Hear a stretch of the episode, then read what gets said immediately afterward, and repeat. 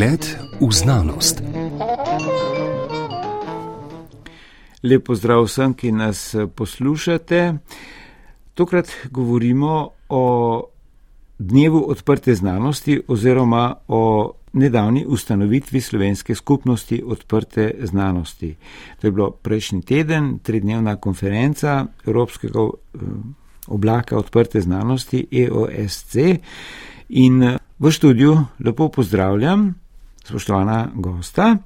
Oba sta po starem načinu magistra znanosti, torej Marko Bonač, direktor Arnesa, slovenske akademske raziskovalne mreže in direktor tehnič, tehniške knjižnice Slovenije eh, Miro Pušnik. Za naš zvok skrbi Franci Modr, pred mikrofonom pa sem Goran Tenze. Torej, prejšnji teden, kot rečeno, ste v okviru Evropskega oblaka odprte znanosti EOSC. Marko Bonač, v vaši organizaciji, organizaciji Ministrstva za znanost in Mariborske univerze v Mariboru pripravili to srečanje, gre pa se kar precej ključne stvari za oblikovanje odprtega dostopa do znanstvenih objav v končni inštanci. Ja, hvala, hvala za vabilo. Uh, Arnes vsako leto organizira uh, konferenco naših uporabnikov, to se imenuje Mreža znanja. Letos je bila ta konferenca tridnevna, prvi dan je bil posvečen odprti znanosti in zadnji dan je bil posvečen uh, superračunalništvu, srednji dan je bil pa posvečen med drugim tudi 30-letnici Arnesa, glih to, to leto ga, ga obhajamo.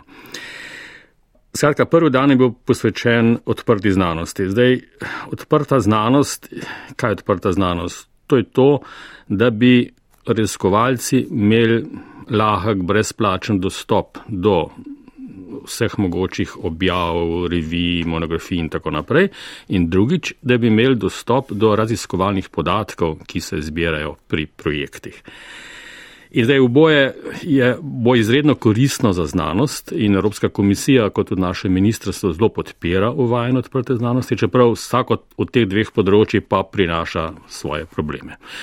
E, ta prvi dan konference, skratka, smo imeli dan odprte znanosti, tukaj so bili e, kolegi iz Evropske komisije, kolegi iz Ministrstva za izobraževanje, znanost in šport in pa kolegi iz Evropskega združenja za odprto znanost, ta EOSK, to pomeni po njihovo European Open Science Cloud.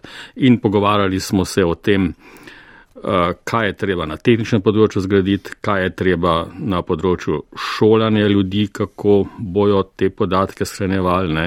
in na področju promocije tega, ker začetek tega bo kar neki raziskovalcem tudi mogoče malo več dela povzročil, ampak kasneje bomo pa vsi na področju znanosti imeli pa velike koristi od tega. Mhm. No, uh, mogoče bi izpostavili to, ne, da, se, da ste v okviru tega trodnevnega srečanja ob tem dnevu odprte znanosti ustanovili slovensko skupnost odprte znanosti. Uh, kaj to konkretno pomeni v vsebinskem in institucionalnem smislu? Ja, uh, tukaj zaenkrat, da imam prav spomin, je 15 organizacij zaenkrat podpisali tisti memorandum of understanding. Uh, tukaj smo predvsem imeli možno, da se pogovarjamo, redno pogovarjamo, izmenjujemo izkušnje, izmenjujemo dobre prakse. Vsak od nas je na nekem področju, mi kot Arnes, bolj mogoče na infrastrukturi, kakšni knjižičar je mogoče na kakšnem drugem področju, da se dobimo skupaj, izmenjujemo izkušnje in pomagamo to, da se to področje v Sloveniji kač eh, hitreje razvija, pa tudi damo input ministrstvu, kako pač te novo zakonodajo prilagodi temu, da bo optimalna, skratka, da bomo dosegli cilj odprte znanosti po eni, drugi strani pa, da ne bo veliko veliko težav eh, za raziskovalce, veliko dodatnega birokratskega dela. Uh, ja, uh, skratka, tukaj smo se, bolj smo rekli, no, se tam dobimo, rečemo, smo ustanovljeni, no, ampak pravo delo pa prihaja sedaj. No, zato, ker ta evropska, evropsko srečanje vseh nacionalnih deležnikov v tem kontekstu, a ne boste imeli v Pragi, tam novembra in ne mara zdaj v tem obdobju potekajo pač po vsej Evropi te konference, da boste to pripravili. Ne? Res je. Uh, zdaj, uh, v osnovi gre, mislim, zdi se mi, da je treba par stvari bolj izluščati, ne? ker tukaj je ogromno administrativnega, seveda najbrž bo tudi gradbenega dela, ne, ker tam med drugim ste, rekel, dal vedeti, da deset milijonska investicija v dva državna infrastrukturna centra, ki boste podpirala, ne, torej hardware in software, eh, to, ki ga treba še poenotiti, ne mara. Ne. Ampak eh, Miro Pušnik, eh,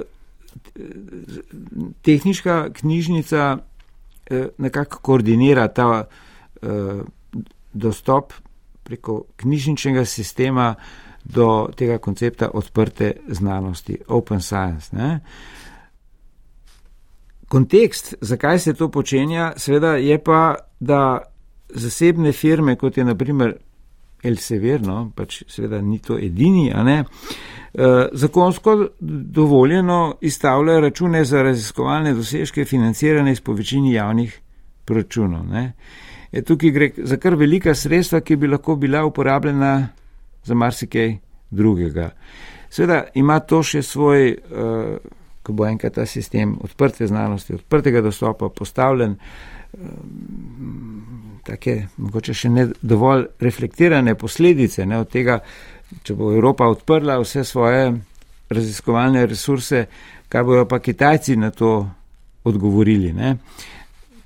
Ker do, njih, do njihovih resursov se pa ne da kar tako prideti. No, ampak o tem mogoče kasneje. Uh, torej, koliko deleč ste v spostavljanju odprtega dostopa do omenjenih raziskovalnih dosežkov znanosti v Evropi? Ja, jaz lahko rečem, da se je v zadnjih letih uh, veliko stvari, stvari spremenilo na tem področju. In sicer mi zasledujemo pravzaprav dva ključna cilja pri tem. Ne. Prvi ključni cilj je, da zagotovimo uh, infrastrukturo oziroma možnosti, da se čim večji obseg znanstvenih publikacij uh, odpre. Uh, in v zvezi s tem je seveda cilj, ali pa da rečem pod cilj, tudi to, da čim večji obseg uh, avtorskih pravic ostane v javni domeni, ne, da ne gre uh, k raziskovalcem. Uh, Drugi cilj, ki ga zasledujemo pri tem, je pa ta, da raziskovalci pri tem ne utrpijo uh, finančne, uh, finančnih posledic oziroma da so te posledice omejene, kolikor se da. Uh, zdaj, uh, Slovenija je tudi članica tako imenovane koalicije ESA, ne, ki je pač neko združenje financerjev iz Evrope, pa tudi iz drugih delov sveta, predvsem v imenu uh, Severno Ameriko in pa Avstralijo, um, ki postavlja neke, eh, da rečem, normative ali pa standarde, kako uh, do založnikov uh, pristopiti, kako se z njimi pogovarjati in pa tudi koalicija S postavlja neke interne cilje, se pravi, kako pravzaprav to tranzicijo uh, iz nekega restriktivnega licenčnega modela v odprto znanost na tem področju uh, pripeljati. In lahko rečem, da je pač ta članstvo v koaliciji S Sloveniji izredno koristil, kajti sklepamo zdaj v tem trenutku sklepamo neke prehodne oziroma mi temu rečemo preoblikovalne oziroma transformativne pogodbe z založniki, kjer pravzaprav institucije kot konzorcija, ne recimo v tem primeru, Eh, že vnaprej plačamo odprtost. Se pravi, da raziskovalci za objavo v Elzeverju neposredno iz svojega žepa pač ne plačajo uh, nič. Vendar kljub temu je treba narediti uh, nek izračun na koncu in ugotoviti, da vendarle založniki dobijo še dodatna sredstva za to. Uh, s, tem se, s tem se seveda uh, uh, pravzaprav ne strinjamo in naš poglavitni cilj je v te tranzicije, no, če rečem tako, je, da bi s časoma uh, preoblikovali uh, Eh, naročniške znanstvene revije v revije brez um, naročnin, da bi se pa plačevale eh, pristojbine za objave. In to je, uh, bi rekel, srednji cilj, ki ga pa ne moremo doseči čez noč. Tako da mi, mi zasledujemo tudi dinamiko tega uh, razvoja. Eh, na tem področju in potem prilagajamo politike uh, uh, pač gibanju, ne, kako se pač to odvija. Vendar še enkrat moram povedati, da že to, da raziskovalci lahko svoj denar, ki ga pridobijo na projektih, usmerijo v, v raziskovanje, ne pa v plačevanje objav, je to velika prednost. No, ker tukaj sploh ne gre za majhna sredstva, ne, gre za kar precejšnja. Uh, mogoče med vprašanje, uh, vaša vajna, vajno osebno uh, mišljenje, A je problem tu političen v smislu, da ker zdaj, če Komisija Evropske unije se zauzema za koncept odprte znanosti, ne, po drugi strani sistem omogoča izkoriščanje javno financiranih iz javnih budžetov doseženih rezultatov, objav, ne, kjer se pač bogati zasebni kapital, tako rekoč. Ne. Tako da to je neka uh, kontradikcija, ki pač je očitno grejena v sistem. Mo, sej, če, če sem dopolnil še tisto prej, kar, če iz tega izhajam, pa se upravičujem, še Marko verjetno tudi ima izkušnjo na tem področju, uh, jaz, bi, jaz bi rekel prvo, kot prva stvar, ki je uh, komercialne založbe mednarodne znanstvene literature so izredno finančno izredno močne. In je pravzaprav govorimo o različnih vastih. Ostale so močne. Ostale so močne od tranzicije v elektronsko okolje naprej in tukaj so taki profiti uh, zaradi poslovnega modela, vse poznamo, ne? praktično vs, uh, vso vsebino in organizacijo dobijo strani raziskovalcev brezplačno in na koncu morajo raziskovalci še objave na, na vrh plačevati. Ampak to je globalni problem. Eh, jaz bi omenil, da v obzorju Evropa, Evropska komisija ne dovoljuje več objav v eh, hibridnih revijah, se pravi v revijah z visokim infrafaktorjem, oziroma ne dovoljuje porabe sredstev za to.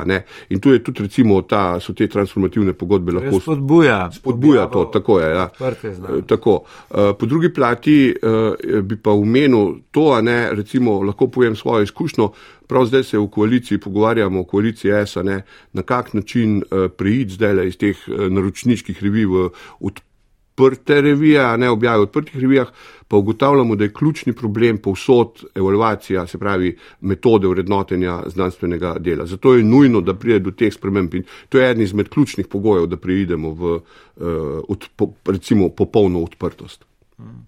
Zdaj najbrž prav detaljnih odgovorov na to dilemo, torej eh, kaj je merilo odličnosti objava, torej vsebina ali kje je zadeva objavljena, odvajal ne bom uh, prosil, ker nimamo tukaj raziskovalcev, ne, čeprav je to ključno, važno je, da se ve, da je to eno od ključnih eh, dilem ne, oziroma problemov. Marko Bonač, kako bo torej videti mrežni diagram nacionalne infrastrukture odprtega dostopa, Prej sem nakazal, omenil, da uh, v okviru tega evropskega OSC sistema oziroma projekta 10 milijonov evrov bo za dva infrastrukturna centra. Kakšni so načrti? Ja, hvala. Moče bi što pojasnil. No. Raziskave tipično tako izgledajo, da najprej raziskovalc uh, dela neke meritve, zbira ankete in tako naprej. Se predstavljamo v tehničnih vedah, je to že zelo veli, uh, tega lahko ogromno in tudi ogromno časa porabi in tudi ogromno denarja porabi. Ne? In izbere potem ogromno količino nekih podatkov, potem te podatke onim svojimi kolegi proučujejo in ko najdejo neko zanimivost, napišejo članek in ga potem poskušajo objaviti. Potem pride pa drug raziskovalec na podobnem področju in znova začne vse te meritve izvajati. Ne. In zdaj uh, na področju znanosti se gotavlja, da je to škoda, ne, ker zakaj ne bi naslednji raziskovalec potem uporabil podatke, ki jih je že prvi raziskovalec zbral. Ali pa še drugače, ne. recimo, če je prvi bil biolog, pa je na področju biologije zbral, a bi potem lahko nek zdravnik, raziskovalec na področju medicine uporabil te podatke in tako naprej. In eh, vsi se strinjamo, ne, da bi to nekako ta zmožnost, ne, da bi si raziskovalci med sabo delili te raziskovalne podatke, lahko izredno spodbujala razvoj znanosti. Ne. Stvari pa niso tako enostavne. Ne. Prvič, eh, te podatki, če imaš ti kot raziskovalc, imaš tam na računalniku kupenih številk tipično. Ne. In zdaj, kako povedati drugemu raziskovalcu, kaj te številke pomenijo. In tukaj so bili spostavljeni neki principi fair, To je kratica po angliško eh, Findable, Accessible, Interchangeable, Usable, po slovensko najdljivost, dostopnost, interoperabilnost in ponovna uporabljivost. Skratka, podatke treba na tak način pripraviti, ne, da je bo drug raziskovalec lahko na smislen način uporabil, najprej razumel uporabo in tako tudi dobil in tako naprej. Eh, govori se tudi o metapodatki, to so podatki, ki upisujejo podatke, tako da bi bili uh, razumljivi. Zdaj, kakšne vede imajo to precej dobro urejene, kaj pa vem, recimo, sem slišal za astronomijo, imajo zelo točno povedane uh, metapodatke, kakšni so pa manj urejeni, kakšne vede imajo manj urejeno, sploh pa pač ta, eh, da bi lahko ena veda, recimo medicina, uporabila kakšne raziskave iz področja biologije in tako naprej. Druga stvar pa teh podatkih je, da, da jih je lahko zelo veliko. Ne. Ne. Tukaj eh, ne govorimo samo o megabajtih ali gigabajtih, govorimo o terabajtih, še bolj o petabajtih in še eh, na desetine in stotine petabajtov. To so res ogromne količine podatkov. In eh, te podatke treba nekam shraniti. Ne. In tukaj govorimo o repozitorijih. Določene vede že imajo svoje specialne repozitorije, neke so generalni repozitoriji. Danes raziskovalci tipično poskušajo na svojem računalniku imeti in potem, ko grejo na drugo raziskavo, tisti podatki počas prvič niso dostopni drugim, pa počas nekako zginejo ali pa so pobrisani ali pa niso več koristni. Ampak smiselno je, da raziskovalci te podatke da v nek zaupajna vreden repozitorij. Zdaj, tukaj je pa več problemov. Prvi, če, prvi problem je ta, da raziskovalec bo moral nekaj časa temu posvetiti, da bo te podatke uredil, da opravi metapodatke in tako naprej. In tukaj bo verjetno neka spodbuda strani ministrstva, oziroma, bo rekel, oboje mora biti uh, korenček in palica. Ne? Zdaj, palica bo v tem smislu, da raziskava, če bo več kot 50% financirana z javnih sredstev, ne, bo morala potem zagotoviti, da so te podatki nekje potem javno dostopni in urejeni. Ne? In to pomeni, da bo preiskovalec mogel pa nekaj časa posvetiti urejanju teh svojih podatkov, da bo drugim na razpolago. Zdaj, začet, dolgoročno bo tudi njemu to koristilo, na začetku bo imel pa sam nekega dodatnega dela in tukaj že kar vidim, da mnogi raziskovalci ne bo zelo nadušeni nad tem dodatnim delom, ampak zelo verjetno pač ne bo dobil eh, financiranja, če tega ne bo naredil. Druga je pa to, no, da jih ne moramo obremeniti, oziroma to je pa korenček, da bo pač uh, država poskrbela, ne, da bo lahko te podatke brezplačno ali praktično brezplačno nekje shranjevali. In tukaj so se pa obrnili na Arnes, da bi zgradil recimo dva repozitorija z dovolj velikim prostorom, kjer bo raziskovalci lahko te svoje podatke nam dali. Tukaj pa je jasno, še, še mnogo drugih problemov je, mogoče kakšno kasneje rečemo, te podatke moram imeti tukaj neke identifikatorje, ker zaenkrat smo navajeni, da, da, da, da podajamo lokacije, tiz HTTP, ne, pa tako naprej, imate lokacija, kje trenutno se podatki nahajajo. Ne, in tukaj bo treba imeti neko identifikacijo teh podatkov ne, z nekimi stalnimi identifikatorji in spet to je dodaten problem. Skratka, tukaj se opira kar, odpira kar veliko vprašanj, ki jih bomo mi na Arnesu pa ostali kolegi iz tega združenja odprte znanosti reševali v prihodnih letih. Mhm. Eh, kaj pa ta dilema, ki sem jo nakazal prej o tem, pač, če bo Evropa odprla dostop do svojih raziskav, absolutno ali pa saj relativno, eh, Kitajci kot eh, izjemno napredujoča sila, ki na tisoče milijard evrov vlaga v znanost, pa ne. Ja, to, to je problem. No. To je en problem. Drug problem je pa, kaj bo, ko bo mogoče industrija iz kakšne države, ki se znajo hitreje obračati, recimo Amerika, ne, hitreje prišla do rezultatov in podatkov. Ne, v manjših državah, kjer nimamo tako agilne industrije, ker smo mogoče bolj počasni, Ampak, ampak dobro, to so neki minusi, ampak še vedno mislim in tudi smo debatirali s kolegi eh, prejšnji teden, no, da, da je vredno, da se stvari odpirajo. Pa magari, če Kitajci več preberijo, pa manj dajo, ampak v celoti je še vedno korist tudi za nas v Evropi. Mhm. Torej, ustanovljena je slovenska skupnost odprte znanosti od prejšnjega tedna naprej.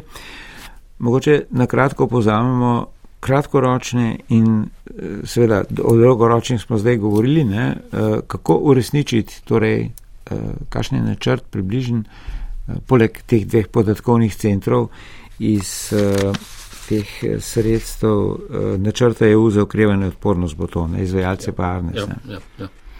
Ja, jaz bi omenil tu še eno izjemno, en izjemno pomemben program, ki že teče oziroma je sprejet in sicer poleg zakona ki ureja področje raziskovalne dejavnosti, ne, eh, kjer pripisuje deljenje raziskav po načeljih FERA, ne, tako odprtih objav kot podatkov, eh, bi omenil še resolucijo o raziskovalni eh, razvojni inovacijski dejavnosti 2030, ki je bila sprejeta eh, konec leta 2022 in ki bo s svojim akcijskim načrtom izdatno podprla eh, prizadevanja na tem področju. Ehm, zdaj, vloga skupnosti pri tem bo izjemno pomembna, namreč eh, kratkoročno, pač kot Marko pravi, eh, smo se ustanovili ne, in nekako eh, bi rekel, si začrtali neke cilje, predvsem ti cilji kratkoročno so zdaj, da se skupnost postavi na noge in da začne delovati tudi na nekih formalnih podlagah, ki jih moramo, bi rekel, še vzpostaviti. Dolgoročno pa jaz vidim skupnost kot platformo za izmenjavo tako znanj, eh, izkušenj, kot tudi storitev. Eh, po vzoru EOS-ka si predstavljamo, da bo to središče eh, odprte znanosti v Sloveniji, kjer bo na eni strani katalog nekih storitev, kakršnih koli pač v zvezi z znanostjo ali pa iz znanosti, na drugi strani tudi katalog, recimo, če rečemo, usposabljanj in tako naprej. In kar je najbolj pomembno, je to, da članstvo v skupnosti ne bo predstavljalo nobene obveze eh, do, eh, v smislu tako finančnem, kot tudi v, v eh, bi rekel, obveze v smislu participacije nekih znanj. Vabljeni so vsi tisti, ki mora biti nekaj več vedo, bodo kaj povedala, ne drugi, ki bodo te storitve samo uporabljali, bodo pač to samo uporabljali. To moramo omeniti prizadevanja Ministrstva za izobraževanje, znanost in šport, ki je to skupnost ravno zato podprlo, da ne bi še dodatnih ovir pri tem predstavljalo, recimo, ne vem, kakšno kakšne finančne restrikcije.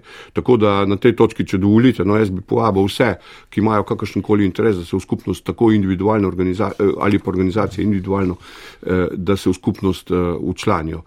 Eh, kot pravim, dolgoročno gledano je to platforma, ki bo služila znanosti in posledično tudi odličnosti. Mhm. Dobro, jaz bi se uh, potem obema direktorjema Marko Bonačo Ar, od Arnesa in eh, Miru Pušniku Tehniške knjižnice Slovenije zahvalil za tale pojasnila ob ustanovitvi eh, slovenske skupnosti odprte znanosti. Tale pogovor sva omogočila za mešalno mizo Franci Modr, pred mikrofonom pa Goran Tenze.